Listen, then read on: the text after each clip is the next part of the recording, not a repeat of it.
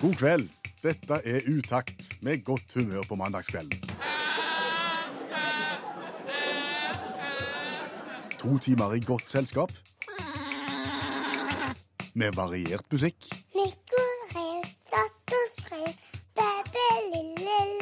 Per Øystein Kvindesland. Og Bjørn Olav Skjæveland. Jeg erklærer herved Radioprogrammet Utakt. for åpnet. Formålsparagrafen til Utakt det er å være godt selskap på en mandagskveld, og så er det å være, skape godt humør. Eh, Og det er klart, bare når jeg tenker på hvor bra dag jeg har hatt i dag, så tror jeg rett og slett jeg klarer å spre, spre den gleden videre utover eh, radiokabinettet òg. Smitter det videre på en måte? Ja, det har vært en fantastisk dag. Sier du det? Ja, det har vært en helt kanondag. Fordi at, altså Ikke for å rakke ned på den jobben du gjør, eller for så vidt rakke ned på den jobben jeg gjør, på Øystein. Men, Mm. men den jobben vi utfører akkurat her og nå, Som radioprogramleder? Ja. det er vel ikke det mest maskuline arbeidet du kan komme på. Nei, det finnes eksempler på mer maskuline arbeider. ja. Ja, der, der, Du får ikke piggtråd under armene, og, og det lukter ikke akkurat eh, svette og maskulinitet av, av dette her. Du trenger ikke hjelm. Nei. Nei, gjør ikke det. så- Nei, du, du trenger ikke vernesko heller. Så, så, så det der fins tøffere ting, og det er derfor jeg har hatt en bra dag. Og, og derfor kunne jeg tenkt meg noe testosteronmusikk. Ja, det er bra. Kjenner du på det nå? Oh yes. Masters. Nei.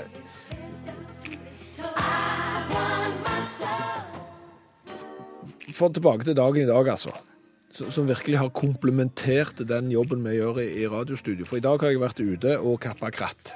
Og vært i kontakt med ditt eget testosteron? Ja, jeg, jeg føler det. altså. Jeg har rett og slett vært eh, drevet på med krattrensking. Krattrensking. Ja, det er, det er et sånt fellesområde ut forbi der vi bor, eh, som vel må kunne sies jeg, jeg, vet, jeg vet ikke om det er jeg som har ansvar for det, men jeg tror det. Og det har vel vært sluppet litt langt. Akkurat. Så der har det jo vokst opp eh, nesten eh, litt sånn jungeltendenser, rett og slett. Det er noen høye eh, vekster overalt som jeg ikke helt vet hva er. Ugjennomtrengelig. Ja, og, og i dag så tenkte jeg i dag skal jeg ta det. Så jeg eh, fikk lov å, å låne Stuttorv og langorv. Å nei, nei, nei, nei, nei. Å nei. Mye mer maskulint enn det. Altså, Tenk deg en kantklipper. En sånn en senklipper som går Ja. full full og fart Ja, rundt. og, og så tenker du at vi, vi gjør den iallfall tre ganger så store, og så får du en svær bensinmotor i den ene enden, og så istedenfor å ha en sånn tynn sen på, så nesten som et rep i andre enden på den ene. Og, og på den andre som jeg hadde lånt, der var det sånn roterende metallblad, altså nesten som en sirkelsag i enden. sant? Det er 18-årsgrense på dette. Helt sikker. Og så får du på deg en sånn sele. Ja. Så fester du selen over brystkassen, og så hekter du dette redskapet fast, Ja. og så tar du på litt choke, og så drar du i snora, så skjer det ingenting. Selvfølgelig, for det er bensinmotor. Så tar du litt mer choke, og så starter den, og så begynner det her denne bladet å gå rundt, og så beveger du deg inn i krattskogen, og så tenker du det er nesten som Livingston og de når de gikk og utforska Afrika, og så bare meier du ned, Ja. og det bare legger seg, sant? Og du kjenner at det spruter med sevje og rester av dette mirakelset som du skal kappe vekk. Du bare får det på brillene, i ansiktet, og heldigvis har du hørselvern og hansker.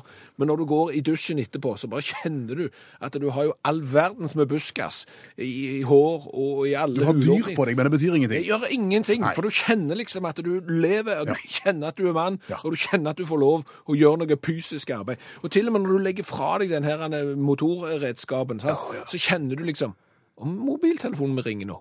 Har jeg den på lydløs? Fordi- Er, det, er det mobiltelefonen som ringer nå? Nå rister hele kroppen. Og så er det ikke mobiltelefonen som rister. Det er bare hele kroppen som rister, fordi at du har stått og vibrert. Det er etterdønninger av testosteron. Ja, men det du, i timevis så har du vibrert med, med motoren, sant?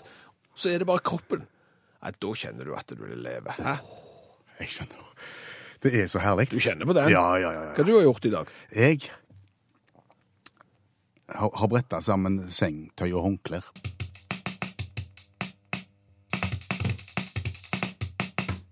Og Hvis ikke jeg husker helt feil, så, så finnes det et eget Shania Twain-museum i Canada. Var det så? Fantes, tror jeg. Å. Ja, jeg jeg tror det var såpass dårlig besøkt at det er lagt ned. Men det var et Shania Twain-museum. Det var en god tanke der. Ja. Det var det. Vi hørte i Dagsnytt for eh, et kvarters tid siden om, om kjøttfri mandag som et sånn energi energisparende tiltak. Og så var det en som svarte på det og sa hvorfor ikke heller en bilfri dag i stedet for, Ja. som et bedre eh, energisparende tiltak. Veldig gode forslag, for så vidt, Ja, ja. men på langt nær så godt som vårt. Nei. For vi har et mye bedre forslag å komme med, og det har vi tenkt å dele med Utakt sine 500 000 lyttere akkurat nå. Ja, for, for hvor mange nordmenn, hvor mange millioner nordmenn tipper du eh, går på helsestudio? Mellom 7 og 8. Ja, Sikkert minst. Ja. Og, og hvis du da regner med de der 7-8 millionene som i tillegg har medlemskort på helsestudio, men ikke bruker de, så er du ja, 14-15-20 millioner potensielle. Eh, Brukere av helsestudio. ja. Og, og, og hva skjer på treningssenteret? Uh, Mye trening. Ja, Det ligger jo for så vidt i navnet, men, men hva type trening? Og mye forskjellig. Mage, rumpe, lår. Ja, Uh, spinning. Ja. Det er sånn sykling innendørs. ja, Uh, bodypump. ja, det løftes en del. Ja. Ja. Altså, Vi kan vel si at det blir lagt ned en del energi. Veldig mye energi. Ja. Det blir forbrunnet en del kalorier. Og når du vet at én kalori tilsvarer 4,18 hjul, og at det går noen hjul på noen kilowattimer, så ser du at det er potensial. Ja, ja, ja, ja. Veldig stort potensial når jeg tenker meg om. Ja. For nå kom ideen, folkens. Og tenk deg tilbake til den gangen du satt på DBS-sykkelen din, gjerne en sånn en blå kombisykkel med, med noen hadde sågar eh, båtmotiv på, Ja. og så hadde de skrua midt på som gjorde at du kunne dele kombisykkelen i to. Og nå sklei dette ut, men du skal tenke deg tilbake til kombisykkel, Ja. og den hadde dynamo. Ja. Den hadde en anretning som du kunne trykke ned, som gjorde at den hoppte inntil hjulet, inntil dekket. Og når du trødde rundt, så gikk dynamoen rundt, og så fikk du lys i halogenpæra di. Ja. Eller ikke halogenpære. Nei. Du fikk lys i lyspæra, og du fikk virkelig vist at mennesket er i stand til å skape energi helt til du kommer i oppoverbakken. Da slutter den å lyse. Men det er ikke poenget her. For poenget er jo alle disse 20 millioner nordmenn som går på helsestudio. Hvorfor bruker vi ikke den energien til noe fornuftig? Tenk på alle de som f.eks. i en time eh, mellom 10 og 12 en vanlig dag rundt omkring i hele Norge som sitter og trør gallmann på hver sin sykkel. Ja, spinning. De sitter og trør, og den energien bare forsvinner. Ja. Den blir ikke brukt til noen ting som helst. Her snakker vi dynamo. Faktisk en kjempedynamo. Ja, men altså, 100 mann i en spinningsal som, som kunne produsert energi, for eksempel inn på en batteripakke, eller rett ut på nettet, eller rett inn i en elbil, eller et eller annet. Inn i elbil. Ja, kunne du hatt en stikkontakt altså, du, du, du har jo greia på elbil. Kunne du hatt en stikkontakt på utsida her, på en måte så du sluste all spinningenergien inn i batteripakken på elbilen? For eksempel i dag kunne vi sagt at det er Leafen til Henriksen som skal få strøm fra spinningtimen, sant? og trø på å komme skinne på, grabber, sant? Så har du en eller annen sånn en eh, svensk eh, treningsmajor der i, i tights, og så sitter han og hauser de opp, og så får Henriksen eksempel strøm inn på elbilen. Eller inn på nettet, sant? Strømnettet? Ja, rett på nettet. sant? En likeretter, jeg vet ikke hva som skal til. Jeg, noe pluss og minus og noe vekselstrøm og noe greier, og så blir plutselig treningssenteret en plusskunde og hiver eh, strøm inn på nettet. Og, og tenk deg òg, Ja. når folk løfter vekter. Ja. Altså, de løfter jo fysisk vekter. Ja. Det er jo helt bortkasta energi. Du løfter liksom Nå tar jeg en 10 kilo, nå tar jeg en 20 kilo. Istedenfor så kunne det vært en motstand som genererte strøm. Du drar opp noe tungt, ja, og så blir det som en slags dynamo du drar i. Ja. Ja. jo Tenk på, tre, romaskin- tenk på tredemøller. Tredemøller er geniale, vet du. Ja, ja. Helt enige. For, for, for tredemølla, den bruker jo strøm for at du skal jogge og ikke komme noen plass. Ja, det er et meningsløst produkt. Du, du, du setter på kontakten i veggen, Ja. og så begynner den å gå rundt, og så står du der og springer, og du kommer ingen steds hen. Den kunne vært reversert. Altså, det er du som gjør at tredemølla går rundt, Ja. og det er du som leverer fra deg strømmen. Nei, det, vet du, dette her er ingen har tenkt på dette før. Ja, det er jo Hvis Bjørn Måseide hører på nå, For eksempel. som, som eier mye av dette her, Ja. bare, bare ta ideen. Den skal du få av oss. Den skal du få helt gratis. Og for å si det sånn, altså det CO2-avtrykket som vi kunne fjerne med all den treninga vi driver på med, det, det er, jeg fatter ikke at det ikke Det er så innlysende genialt enkelt. Og slagordet har vi lagt. Har vi? Ja, Hvis at det var Elixia eller et av de store først, på toppen, med underteksten 'ikke noe om og men'.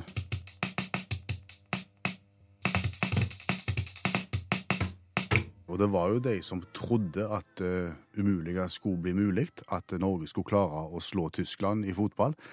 Men den gang ei.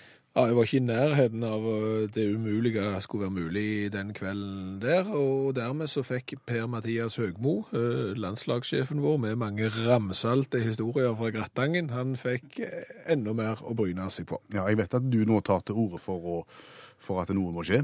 Noen må jo gå. Samme for meg hvem som går, bare noen går. Mm, ok. For å få en endring her, altså. Ja. vel.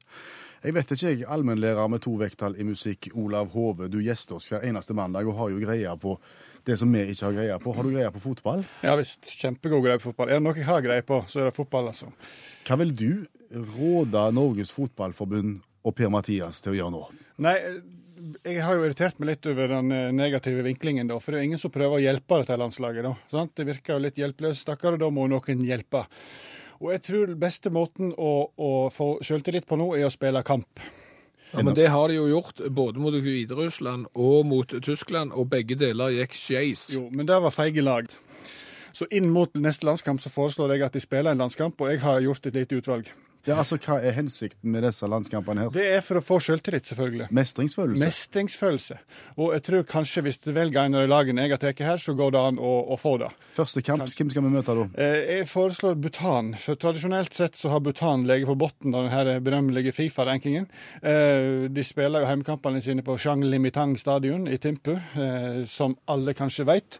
Det er jo en stadion beregnet på bueskyting, så det er klart at bredde i spillet er ikke å anbefale, og det har jo ikke Norge allikevel, da. Eh, eh, Bhutan eh, heimbane eneste kunstgressbane i, i Bhutan, så det blir brukt til stort sett helt andre ting enn bueskyting og fotball. Det er mye brylluper der, eh, messe, hundutstillinger, bilutstillinger osv. Lite tid å spille fotball i Bhutan. Og så er de ikke heller så veldig opptatt av å spille fotball.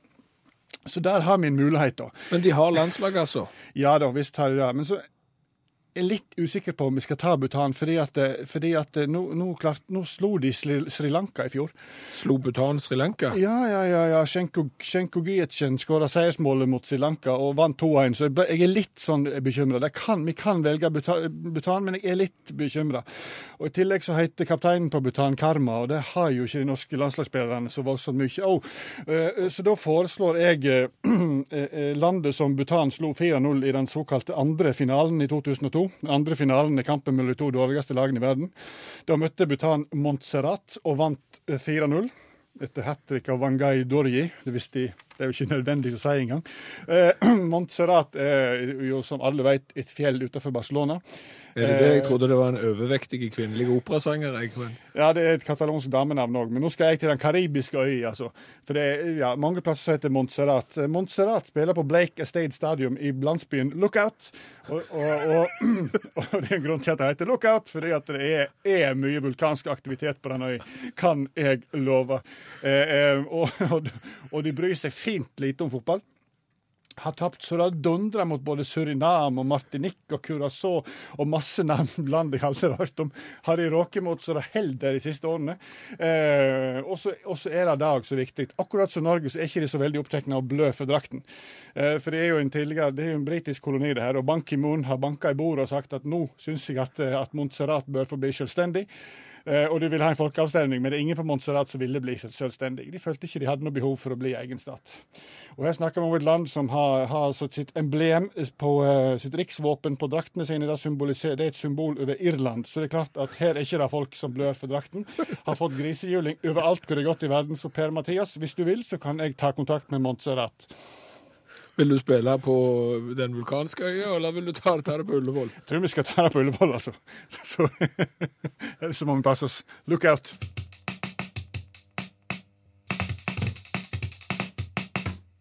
For en måneds tid siden Kjeveland, så var jeg på Dana Cup i Danmark sammen med, med Poden. Sammen med mange, mange, mange tusen andre. Det er fotballturnering. Det er en fotballturnering for, for mange, mange små og litt større fotballspillere. Okay. Og der opplevde jeg noe rart. Eh, for der ser jeg et fotballag som spiller kamp, og jeg kjenner igjen draktene. Det er Aston Villa, det engelske laget Aston Villa fra Birmingham, som spiller. Ja, som har lilla bringe på drakten eh, og, og har lyseblå ermer. Ja, Burgunder, vil jeg vel Ja, egentlig si. burgunder er jo en alle tiders farge. Det går jo til alt burgunder, spesielt brystningspanel. Ja. Det er flott. Nå snakker vi oss vekk. Ja, For, fordi at, Men Aston Villa var på Danacup. Ja, jeg trodde så. Jeg gikk bort for på en måte, Det var litt spennende at de var der, tenkte jeg. Ja. Så, jeg- så, jeg- jeg nærma meg på en måte lagledelsen og de som sto innbytterne og sånn, Mm. for å høre om de snakket birminghamsk. Ja. Gjorde ikke det. De snakket trøndersk. Kav trøndersk snakket de. Så da tenkte jeg, hva er dette her? Er det, er det, er det trøndere bosatt i Birmingham som har reist over en serien for å være med i Dana Cup, eller er det noen nå som har adoptert drakten til Aston Villa, eh, og så hører de hjemme i Trøndelagen?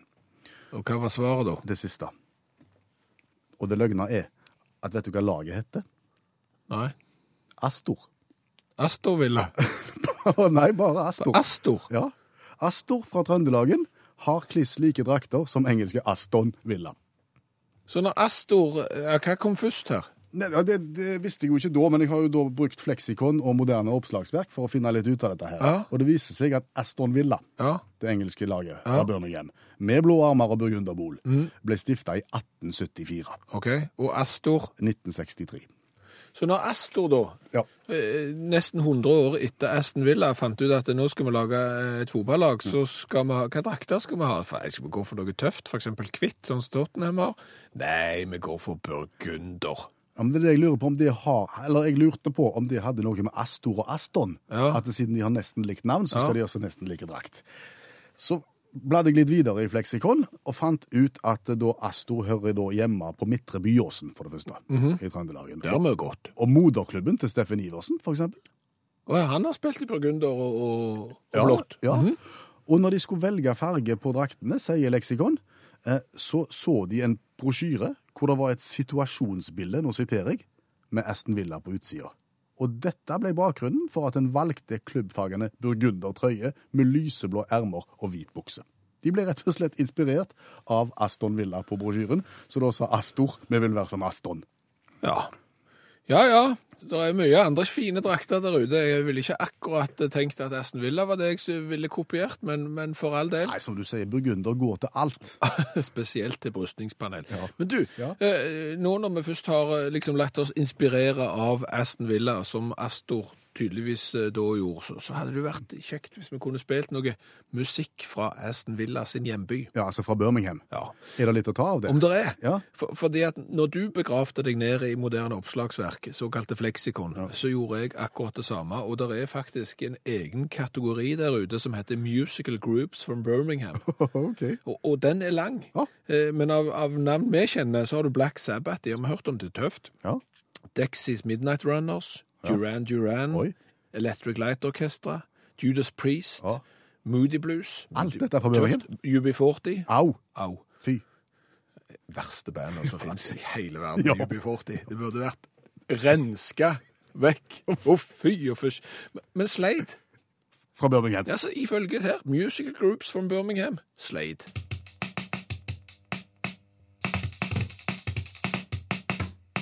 Har du noen gang blitt påtvunget penger? Påtvunget. Ja, altså, disse pengene skal du ha. Og du sier nei, jeg skal ikke ha de, og, og, og folk sier jo, du skal Det- ha de pengene. Det er jo sånn besteforeldre som, som klemmer en 50-lapp inn i hånda di som liten. og sier, Ja, men da, skal du ha. ja, så tenker du at skal du være høflig, så sier du nei, jeg trenger ikke penger, men inni deg så tenker du selvfølgelig, må bare komme med det og litt til. Men, men har du liksom sånn ute i det offentlige rommet, har du blitt påtvunget penger som ikke er dine, og du prøver å si nei, men du får det likevel. Ikke bortsett fra når du får brev fra Nigeria og, den slags, så du bare avslår fordi at du vet det er svindel. Ja, nei, men, men det har jeg. Og, og, og dette handler jo om altså, å stole blindt på enten sunn fornuft, eller å stole blindt på elektronikk. En spennende historie vi har i vente nå. Ja, jeg, jeg syns jo det. Eh, Og, og jeg tok imot disse pengene til slutt, eh, fordi at jeg syns at eh, OK, hvis du er så totalt brød, så, så skal du få svi, og da tar jeg imot. OK, hvor begynte dette? Det begynte i Danmark. Og, og, og det begynte jo med at jeg hadde kjøpt et brett med brus. Ja vel? For så vidt ikke veldig interessant, men mye billigere i Danmark med brus enn i Norge. det, ja. Eh, Så kjøpte jeg et brett eh, med brus, og etter en stund så, så var det jo blitt en del tomgods. Eh, 17 bokser eh, tok jeg med til butikken, fordi at jeg tenkte la meg nå pante de. Så gikk jeg i panteautomaten, la på 17 eh, colabokser, og så gikk jeg bort i kassen med kassalappen, og, Pant, nei, pantelappen? Med, med pantelappen, og så et brød i hånda. Ja. Og så fant jeg fram lommeboka mi og tenkte at ok, det brødet her noe 35 kroner eller et eller annet, så da skal vel jeg betale snaut 20. Istedenfor så fikk jeg 110 kroner igjen, noe sånt cirka, Av mannen? av mannen. Hæ?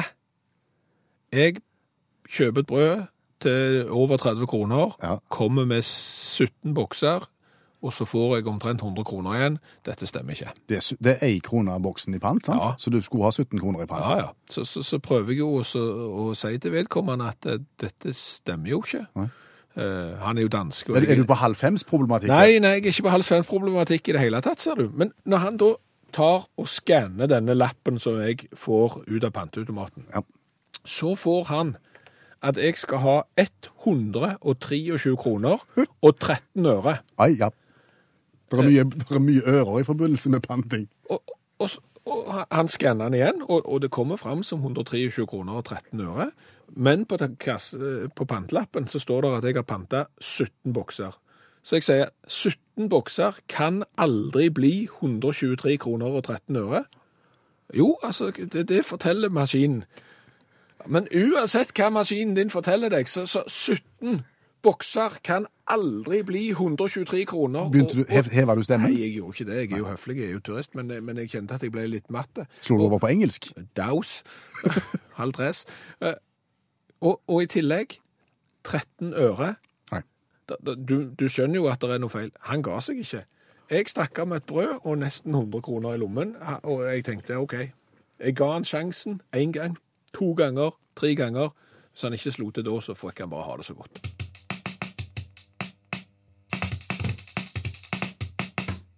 Har du lest 'Prosessen' av Kafka? Jeg har han, men jeg har ikke lest han. Har du lest 'Fred' av Arne Garborg? Jeg har han, men jeg har ikke lest han. Har du lest 'Markens grøde'? Jeg har han. Har du, har du den òg? Har du lest den? Nei. Nei. Har ikke det. 'Krig og fred'? Den har jeg. Har ikke lest den. Nei. Jeg har ingen av de, men jeg har heller ikke lest Jo, 'Fred' har jeg forresten. For den, den fikk vi i julepresang på jobb en gang. Så den har jeg ikke lest. Nei. Men, men, men dette er jo da såkalt klassikere. Jepp, innenfor litteraturen. Og når det gjelder klassikere innenfor litteraturen, så går det egentlig an å dele eh, den norske befolkning inn i tre grupper. Eh, du har de som da har lest alle disse klassikerne, det er gruppe én. Ja. Så har du gruppe to, det er de som sier de skal lese de. Ja. Det er sånne som meg, men som aldri gjør det. Og så har du da gruppe tre. Ja, det er de som sier at de har lest de, men som ikke har lest de. Nei, de lyger. De lyger. Ja. Og dette programmet har tatt mål av seg til å være en støttespiller for gruppe tre, de som lyger. Ja, fordi at det, kan altså, det, det, det er mange årsaker til at vi egentlig aldri kom i gang med disse klassikerne. Det er jo mye annen god krimlitteratur. Men, eh, men så er det jo det at du gjerne vil framstå litt mer intellektuell enn du faktisk er. eh, Og da er det greit å framstå som om du har lest de. Yes. og Derfor så tilbyr vi et tre-fire minutters kurs i de forskjellige klassikerne, som raser gjennom det viktigste, som skal gjøre deg i stand til å konversere rundt klassikerne på enkelt vis. Som om du har lest de. Og, og det, det får vi jo hjelp til, for vi har jo ikke lest de. Nei, Vi har henta inn litteraturviter og forfatter Janne Stigen Drangsholt, som hjelper oss i dag med 'Sult' av Hamsun. Kort fortalt, hva handler sult om? Ja. Og det som er så fint med sult, det er at den egentlig kan oppsummeres i den første setningen, så da har du både et sitat og et handlingsreferat i samme bolk, da. Og første setningen i sult er dette. Det var den tid jeg gikk omkring og sultet i Kristiania, denne forunderlige by som ingen forlater før han har fått merker av den. Det er sult, kort oppsummert. Sulten mann tusler rundt i Oslo. Ja. Og så Det som er problemet til den sultne mannen, det er at han er forfatter, men han kan ikke skrive uten at han får mat, og han får ikke mat uten at han tjener penger. Så det at han er fanga fordi at han tjener ikke noe penger på skriftene sine, fordi at han, det som han skriver er så komplisert og vanskelig at det er ingen som kan publisere det. Så han går omkring og sulter i Kristiania. Ond sirkel, rett og slett. Helt riktig. Og det som jeg tenker er tema i eh, sult, det er jo dette her med at det er viktig å få seg en jobb. På et eller annet tidspunkt så må du bli voksen, legge bak deg drømmen om å bli musiker eller eh, kunstner eller hva som helst, og få deg en skikkelig jobb. Det er rett og slett det det handler om. Ja. Det er helt riktig. Er det noen sitater, noe fun fact, noe spesielle ting som du har lyst til at vi skal huske på, som vi kan briljere med når det gjelder sult? Ja, altså det, det sitatet som, som er åpningssitatet, det er veldig nyttig å kunne. Og det kan du jo bruke i all slags forskjellige sosiale sammenhenger. fordi at hvis f.eks. bare du reiser til Oslo, så kan du jo slenge omkring med det der med å ja, gå rundt og sulte. Kristiania, Ja, altså, jeg, har, jeg liksom. har gått og sulta i Kristiania mange ganger, men jeg har gått og sulta i en del andre norske byer òg, for jeg er konstant sulten. Så det, Men det er er jo veldig fint, for at da kan du bruke det uansett. Ja. Sånn, Du kan jo bruke det i Kristiansund eller Trondheim òg. Det er jo ikke så farlig, det, for da blir det sånn Å, Bjørn Olav har lest Hamsun. Ja, jeg gikk omkring og sultet i Kristiansund. Sult fin to. Ja, faktisk. Og det som jeg tenker som kan være greit med sult, det er at det, det kan være greit å si at det, det er lenge siden jeg leste den. For Sult er en av de bøkene Sult, altså Hamsun og Dostojevskij. Det er sånne forfattere som du bør ha lest for en stund siden. Så det kan være, Du får alltid noen ekstra poeng hvis du sier det at jeg husker jo ikke helt hva det handler om, for jeg leste den jo på gymnaset eller noe sånt. da. Det er bare et tips. I hvilket samfunnslag skal vi da uh, briljere med at vi har lest sult? Hvor treffer det best? Ja, uh, igjen så treffer det veldig godt hos næringslivet og jurister. Eh, og det har jeg jo empirisk bevis for. fordi at hvis en leser på nattbordspalten til Dagens Næringsliv, så kommer de alltid trekkende med Hamsun. Hva har du på nattbordet? Å nei, det er noe av Hamsun. Eh, ofte Markens grøde, men sult eh, fungerer like bra. Eh, og eh, sult kan òg fungere som ei sånn bok som du kan pushe på ungene eh, dine hvis de liksom kom, havner i den der eh, Ja, jeg vet ikke helt hva jeg skal bli, og er det nødvendig å ta seg utdannelse og få seg jobb? Ja, les Sult. For da kan du jo late overfor de som du har lest den sjøl. OK. Og, og hvis du pusher sult på ungene, så har du kanskje drept leselysten deres en gang for Det alle. er jo det, er jo det som er kjipt med det. Men uh, samtidig så vil de jo òg kunne altså Da vil jo de havne i kategori 1, de som faktisk har lest klassikerne. Og det kan jo være en fin ting. Så det er alltid noe godt med å pushe klassikerne på folk. Andre folk. Oppsummert, Sult av Knut Hamsun, skrevet på eh, slutten av 1800-tallet. Ja, det handler om en som bør få seg en jobb. Komme, være greie, komme ut og få deg noe arbeid. Starte med setningen 'Det var den gang jeg gikk rundt i Kristiania og sultet', denne forunderlige by som eh, Ingen forlater før de har fått merker av han. Og det som jeg òg kan legge til, for at det er ofte i klassikerne så ender det jo med at hovedpersonen dør eller tar livet av seg, men det gjør det ikke i Sult. Han reiser til England. Og det er litt viktig å legge seg på minnet. Og begynne å gå på fotballkamper og gå på pub. Helt riktig. Gjør han det? Jeg regner med det. OK. Hvem holder han med? Nei, det må jo være Tottenham. Tusen takk. Janne Stigen Drangsholt, forfatter, litteraturviter, hjelpetrener i friidrett og medlem av FAU.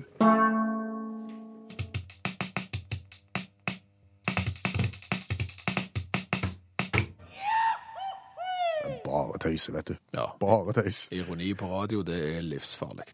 Det som ikke er tøys, det er at vi akkurat nå går i gang med kveldens konkurranse, og veldig mange har meldt seg på, og alle har svart rett på inngangsspørsmålet, så vidt vi kan se. Ja, vi har jo ikke så mye grunn til å tvile på at folk eh, klarer inngangsspørsmålet. Inngangsspørsmålet er hva heter du, og hvor bor du? Og Otto, han har svart Otto. Ja, og, og, og Stokmarknes som eh, bosted, og vi sier god kveld til Otto. God kveld, ja. Er alt bra? Ja. Ja. Høsten har kommet til, til Stokmarknes, eller er det god temperatur hos deg? Nja God og god. Han ligger på en 8-10 grader, men, men høsten er absolutt på, i anmarsj. Ja, han er det. OK. Har du hørt Utakt sin konkurranse før? Ja. Du har det, men skal vi ta en runde på, på reglementet kjapt for, for nye lyttere? Ja, hvis du nå sitter i bilen for eksempel og lurer på hva som skal skje, så er det som skal skje, er at jeg har elleve spørrebøker foran meg. Otto han velger en av de, og så blar vi opp på en vilkårlig side og stiller et vilkårlig spørsmål, og svarer Otto rett, så blir det gladjodling. Svarer Otto feil, så blir det tristjodling. Men uansett så skal han få lov å gå rundt i Stokmarknes med ei svart utakt-T-skjorte med vedhals. En god plan, Otto? Ja, ja. Bra. Da begynner du å velge ei eh, spørrebok. Fra 1 til 11. Fire. Fire. Feriequiz. 1000 spørsmål og svar for hele familien. Og der er det 208 sider, og du har lyst på side 77.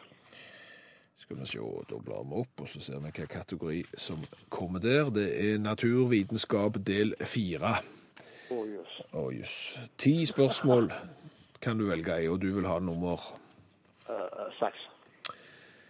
Ranger følgende geologiske tidsperioder fra tidligst til senest.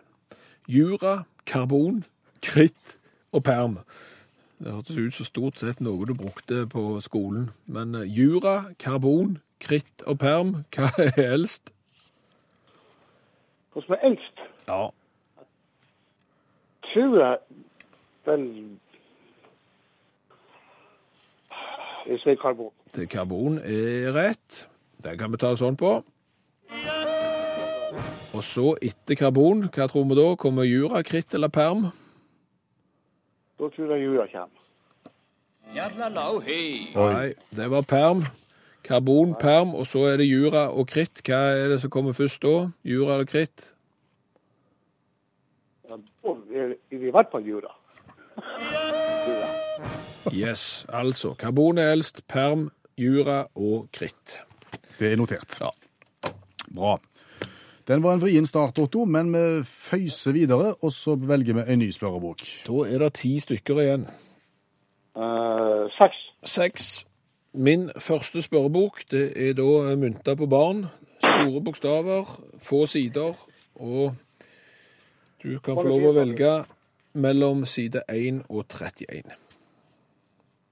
Eh, 25. 25. Det er ikke noe tema her, ser du. Her er det bare spørsmål hulter i bulter. Fem stykker. Hvilket av de skal jeg ta? Tre. Nummer tre. Hva slags dyr er bakemesteren i Hakkebakkeskogen? Det mener man har det? hare. Det er bakermester Harepus. Ja. Ja. Bra. Dette går jo skikkelig bra. Hva gjør Otto på når han ikke er med og konkurrerer i utakt? Da er han stort sett eh, bonde. OK. Er det melkebonde, eller er det kjøttbonde, eller hva type? Ja, begge deler. Litt av begge deler. melk og kjøtt og gris. Ja, ja, grisen er jo kjøtt, så det Ja. Har du mange kyr? Nei, det er det 40 stort sett totalt. Så. OK. Det betyr at du skal tidlig opp i morgen. Ja, så, sånn høvelig i hvert fall. Da skal vi skynde oss, så du Da skal vi får, så du får lagt deg. får, får lagt deg her. Eh, Da er ni, ni spørrebøker igjen. Hvilken skal vi ta?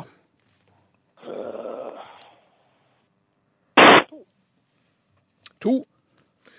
Jeg mente det var sagt to bak det kneppet der, og da er du kommet til Kåre Kapps nye spørrebok fra 1987. Så den har som meget som 61 sider. 44. 44. Jeg blar og blar og blar. Og spørsmål nummer? Der er det 30 å velge i under kategorien Kapp X. Aner ikke hva det er, men du har 30 spørsmål å velge i. 15. Hvilket land er adelsslekten Borgia fra? Borgia. Borgia, ja. Det hørtes ikke tysk ut, men eh, Nei, det resonnementet syns jeg du skal holde på. Ikke tysk. Er det noen andre ledetråder det går an å sende til Stokmarknes? du kan jo f.eks.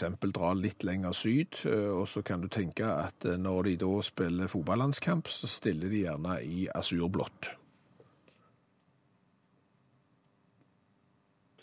Er de gode på pizza? De er veldig gode på pizza, ja. Ja. ja. Og, og Italia. fikk ikke jeg kommet med siste eh, hintet mitt, og det er at landet ser ut som en støvel. Men det er greit. Ja. Ja, må si at Utakt er programmet hvor vi gjør hverandre gode, Otto. ja, det er godt. det. Ja, flott. Kjempeprogram. Bra. Takk for at du var med oss. Nå skal du få gå og legge deg, sånn at du er klar til å rykke ut i fjoset i morgen tidlig. Ja takk. Så skal du få T-skjorta i posten ganske snart.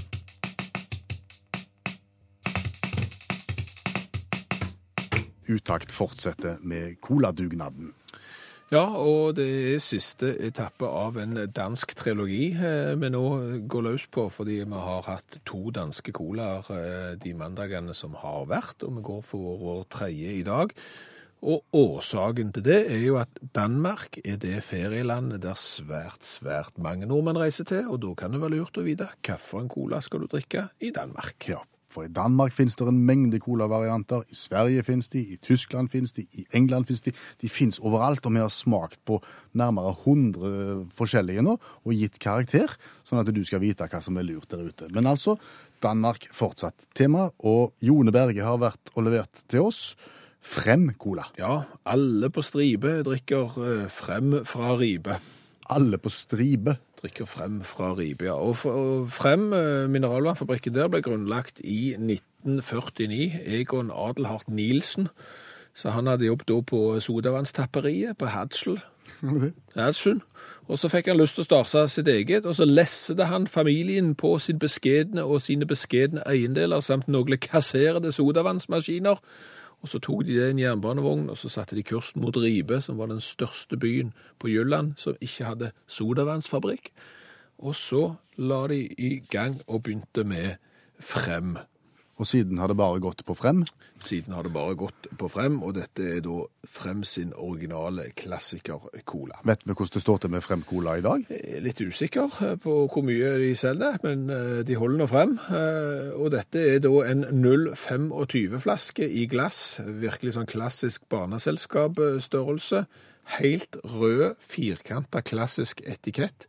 Så står det bare Frem Cola med hvite bokstaver på. Ja, Og den har da vanlig kork. Den har ikke skrukork, den har sånn brusåpne kort Så da går vi løs på den. Sånn. Er de klar? Jeg er klar. Vi skal smake på Fremcola, skal gi karakter fra 1 til 10, og så skal vi gi karakter fra design etterpå. Ja, vær så god. Spent på smaken nå. De har jo ikke vært så, vært så, så galne, de danskene vi har vært igjennom så langt. Det har Nei. vært mye bra. Ja, my- mye bra. Kultcola smakte vi på. Jolly-cola har vi smakt på. Ikke verst. Nå er det frem.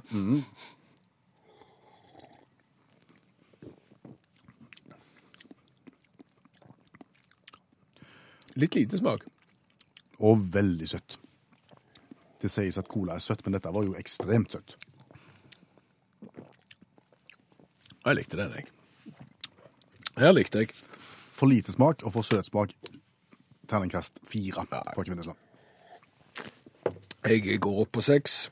Fire, seks. Og så er jo spørsmålet hvor kult er dette?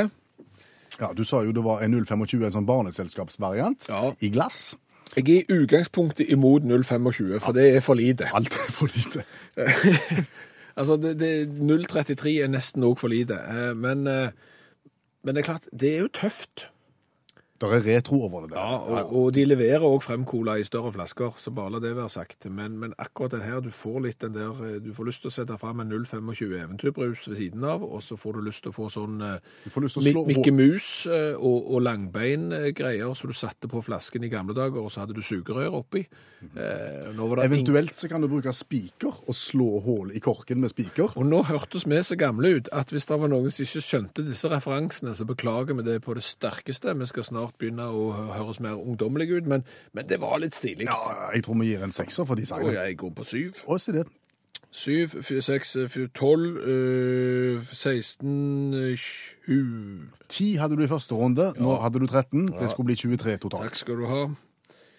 Det er en fin, fin oppe i 15., 16., 20. plass. Ganske høyt oppe. Det er ikke ille, for vi nærmer oss som sagt 100 Ja, vi har Est-colaen fra Thailand der, vi har den polske Hoop-colaen og den italienske Balladin-colaen på 23 poeng. Så det legger seg i et finfint selskap. Nå skal vi bli mer ungdomslige.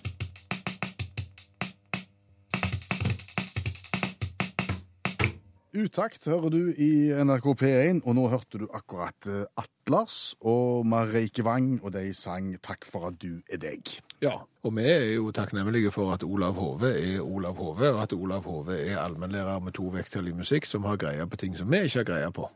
Og som gjestet oss for en times tid siden, da vi snakket om eh, hva det norske landslaget nå bør gjøre for å snu den vonde trenden, for å få mestringsfølelse. Og da foreslo HV da tidligere at de skulle møte de to dårligste landslagene i verden, nemlig Bhutan og Montserrat. Ja, eh, og det må jeg kanskje gå litt tilbake på. fordi at nå har jeg jo gjort litt dypere dykk i resultater resultatet de siste årene. Og jeg kom, jeg fant jo Montserrat, som, som jeg trodde var det optimale møkkalaget, viser seg å, å, å ha en 7-0-seier i 2012 over Jomfruøyene.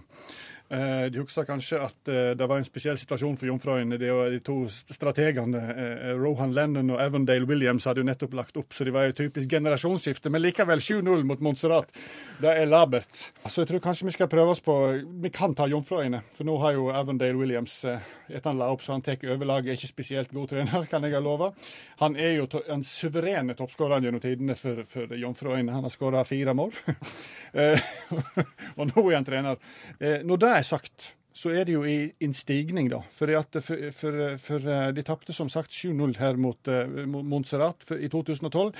Tapte 7 7-0 mot Dominica òg i 2012, men nå tapte de 3-2 nå her i vår. Eh, Så det betyr at de har kommet seg ganske voldsomt. Men de har begynt å skåre og, og slutta å slippe inn syv mål. Ja, så litt bekymra. Så jeg tror, jeg tror og slett vi må ikke tenke utenfor boksen, men vi må tenke utenfor Fifa-rankingen. Vi må finne et land som ikke er engang på Fifa-rankingen. Og da foreslår jeg at vi ser til Mikronesia. Hvor er Mikronesia hen? Ja, ja. nei, Det er østen for Filippinene og vesten for Indonesia, sånn omtrent. Um, Det hørtes ut som et folkeeventyr. nå. ja. Mikronesia er jo en haug med øyer, sånn tusenvis av øyer. Eh, 890 og de er ikke store nok til å romme en fotballbane engang, så det er klart rekrutteringsmessig så er jo det et problem. Så det er øya Japp eh, med Y. Ikke, de lager ikke sjokolader, men øya Japp, der spiller de fotball. Det er der landslaget blir samla. Og eh, treneren eh, Stan Foster er fra Australia. En eh, positiv kar, kan minne litt om en norsk landslagstrener. Eh, og de har et ønske om å bli medlem av Fifa. Og, og, og hvis Norge da spiller mot, mot Mikronesia, så, så anerkjenner vi på en måte Mikronesia. Og så kan vi grisebanke i tillegg og få selvtillit. Så her blir det et kinderegg av godhet og trening og, og ene med det andre. Eh, eh, eh, de har, Mikronesia har ikke gjort seg bemerka i fotballen i det hele tatt inntil i fjor. Da gjorde de seg bemerka, for da skulle de spille OL-kvalik i det såkalte Pacific Games på Papua Ny-Guinea. Papua Ny-Guinea er 164 på Fifa-ranking, så det skal vi holde oss langt vekk ifra, for da får vi noe bank. Eh, eh, møtte Tahiti i første kamp. Eh, Tahiti er 175 på Fifa-rankingen. Forholdsvis dårlig lag dag. Eh, eh, eh, begynte godt, men så røk det til, og det, du kan si det rakna bakover. Og eh, når eh, sluttsignalet gikk, så vant Tahiti 30-0 Over Mikronesia. over Mikronesia. Eh, Stan Foster, treneren, sa at han følte likevel han hadde truffet med kampplanen, eh, laguttaket og, og forberedelsene inn mot kampen. Det hørtes akkurat ut som Per-Mathias Høgmo etter å ha tapt 3-0 mot eh, Tyskland. Ja, og så sa han det òg. Eh, han gikk inn i garderoben og sa til guttene OK, folkens, vi tapte 30-0. Det blir ikke verre enn dette. Heretter går det bare oppover. Ikke helt sant, for neste kamp møtte de Fiji. 38-0. Fiji er 187 på Fifa-rankingen. og, eh, og så tenkte de at nå er det én kamp til mot Vanuatu. Vanuatu kjempelite i øy. Eh, eh, og da rakna det. Vanuatu er 205 på Fifa-rankingen før den kampen, men så gjorde de det skarpt mot Mikronesia, kan du trykke seg. 46-0. Altså én skåring annethvert mål. Hoppa opp på 179.-plass på Fifa-rankingen, langt før San Marino. Så eh, ja, jeg, jeg, jeg kan godt ringe Stan Foster hvis eh, Per-Mathias vil. Så kan jeg, eh, kan jeg anbe ta en liten kamp mot Mikronesia. Norge, Mikronesia på Ullevål. Det blir det sjøltillit, da.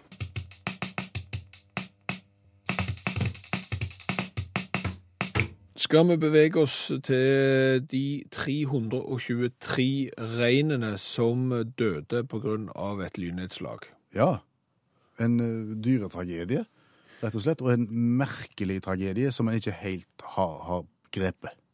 Ja, for det fikk meg til å tenke på at eh, hvordan overfører dyr eh, kunnskapen seg imellom? På en måte. Altså erfaring, eh, læring, hvordan overføres det på en måte fra generasjon til generasjon? La oss bare si litt om det som skjedde, for det er jo en stund siden nå.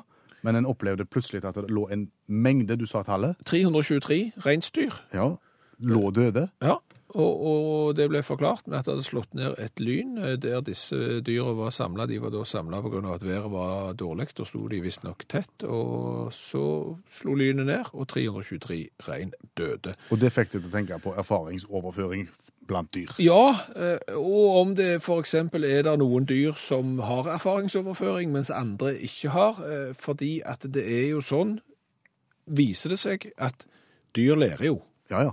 Og, og, og gjennom ev- ev- evolusjonen så har det jo vist seg at dyr har på en måte funnet sin måte å oppføre seg på. Og det må det jo Altså, på et eller annet tidspunkt nå, nå må du henge med, for dette er litt vanskelig, men sant? På et eller annet tidspunkt da, så har for eksempel et dyr sett at faren er blitt spist opp. Ja. Og så har han tenkt at det skal ikke jeg oppleve, så dermed så oppfører jeg meg på et annet vis. Og når vedkommende har funnet ut at det funker, så må jo vedkommende da eh, gi beskjed videre til, til sine unger. Mm. Ikke gå der, for da risikerer du å bli spist opp. Det ble bestefaren din. Ja, og, og det skjer jo vitterlig. Ja, ja. Men, men med disse reinsdyrene så har jo de sannsynligvis da ikke lært av sine forgjengere at eh, hvis det er dårlig vær, ikke gå på et høyt punkt. Nei. Altså Hadde de f.eks. lært av oss mennesker, for vi har jo lært dette At når det er torden i lufta, så skal vi dra ut TV-en. Og telefonen. Ja. Du skal ned i kjelleren og helst legge deg i badekaret med pledd over. Ikke ut i båt på åpent hav, ikke og så videre og så videre. Dette har jo vi, vi lært. Og du ser jo det samme med kyr. Det har jo skjedd før med kyr. Kyr eh, går ut i dårlig vær, eh, plasserer seg under et tre på en høy topp. Var det lurt? Ikke spesielt. Ikke spesielt. Eh, Da opplever de det samme som reinsdyr. Så jeg bare dette, dette har ikke fasiten på, Nei. men noen dyr må jo ha evnen til å, å overføre kunnskap til kommende generasjoner, mens det er ting som tyder på at det er andre dyr eh, som mangler den evnen. Og jeg vet ikke noen dyr som er for noen, men jeg lurer på hvordan det skjer. Hvordan hvisker eksempel en rein til en annen rein og sier at det vær litt obs nå for høye høyder og lyn. Det er ikke sikkert de gjør det.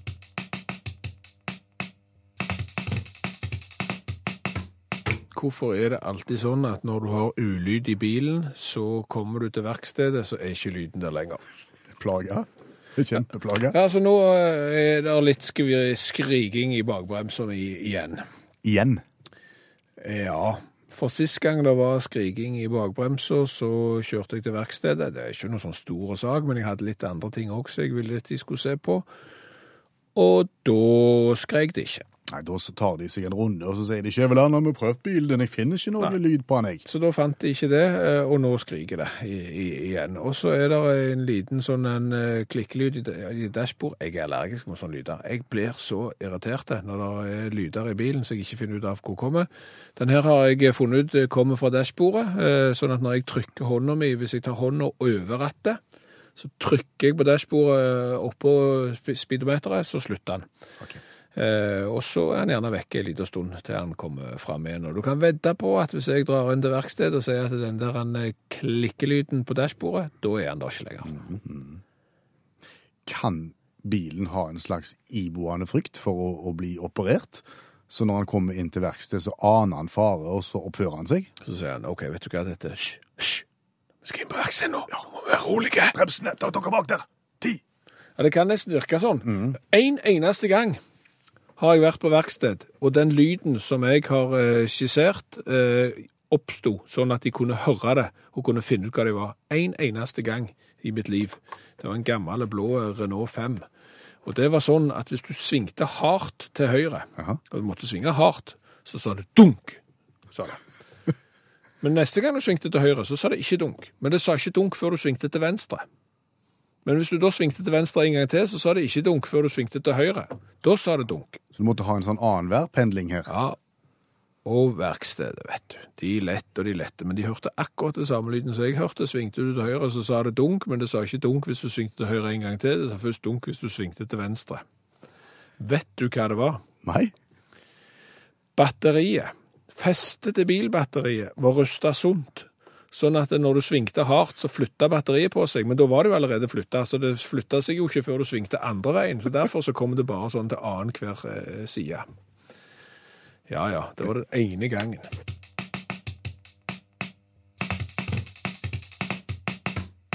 Og nå sitter du på Øystein med ei bok foran deg Ja. som heter Det heter Norges morsomste vitser, de beste vitsene fra NM i humor. Ja, og, og der har det vært noen redaktører.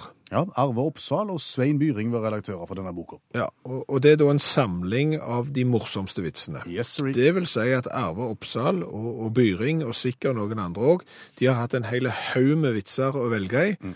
Og så har de sagt nei, den vitsen er ikke god nok, den kan vi ikke ta med. Den er bra, den er løyen, den er kjempemorsom, det er en av de beste, den må inn i boka. Ja, Derav Norges morsomste vitser. Ja. Ja. Hold den tanken. Utakt leser høyt fra boka 'Norges morsomste vitser'. De beste vitsene fra NM i humor. En fin byfrue skulle en gang hentes på jernbanen og kjøres til et turisthotell.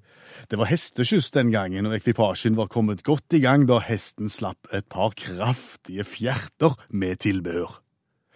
Kjørekaren følte seg litt brydd, så han snudde seg mot damen og sa «Eh, eh, dette må De virkelig unnskylde, men jeg kunne ikke noe for det.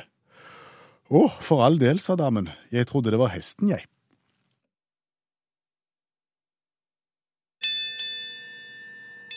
Du har hørt Utakt lese høyt fra boka 'Norges morsomste vitser'. De beste vitsene fra NM i humor.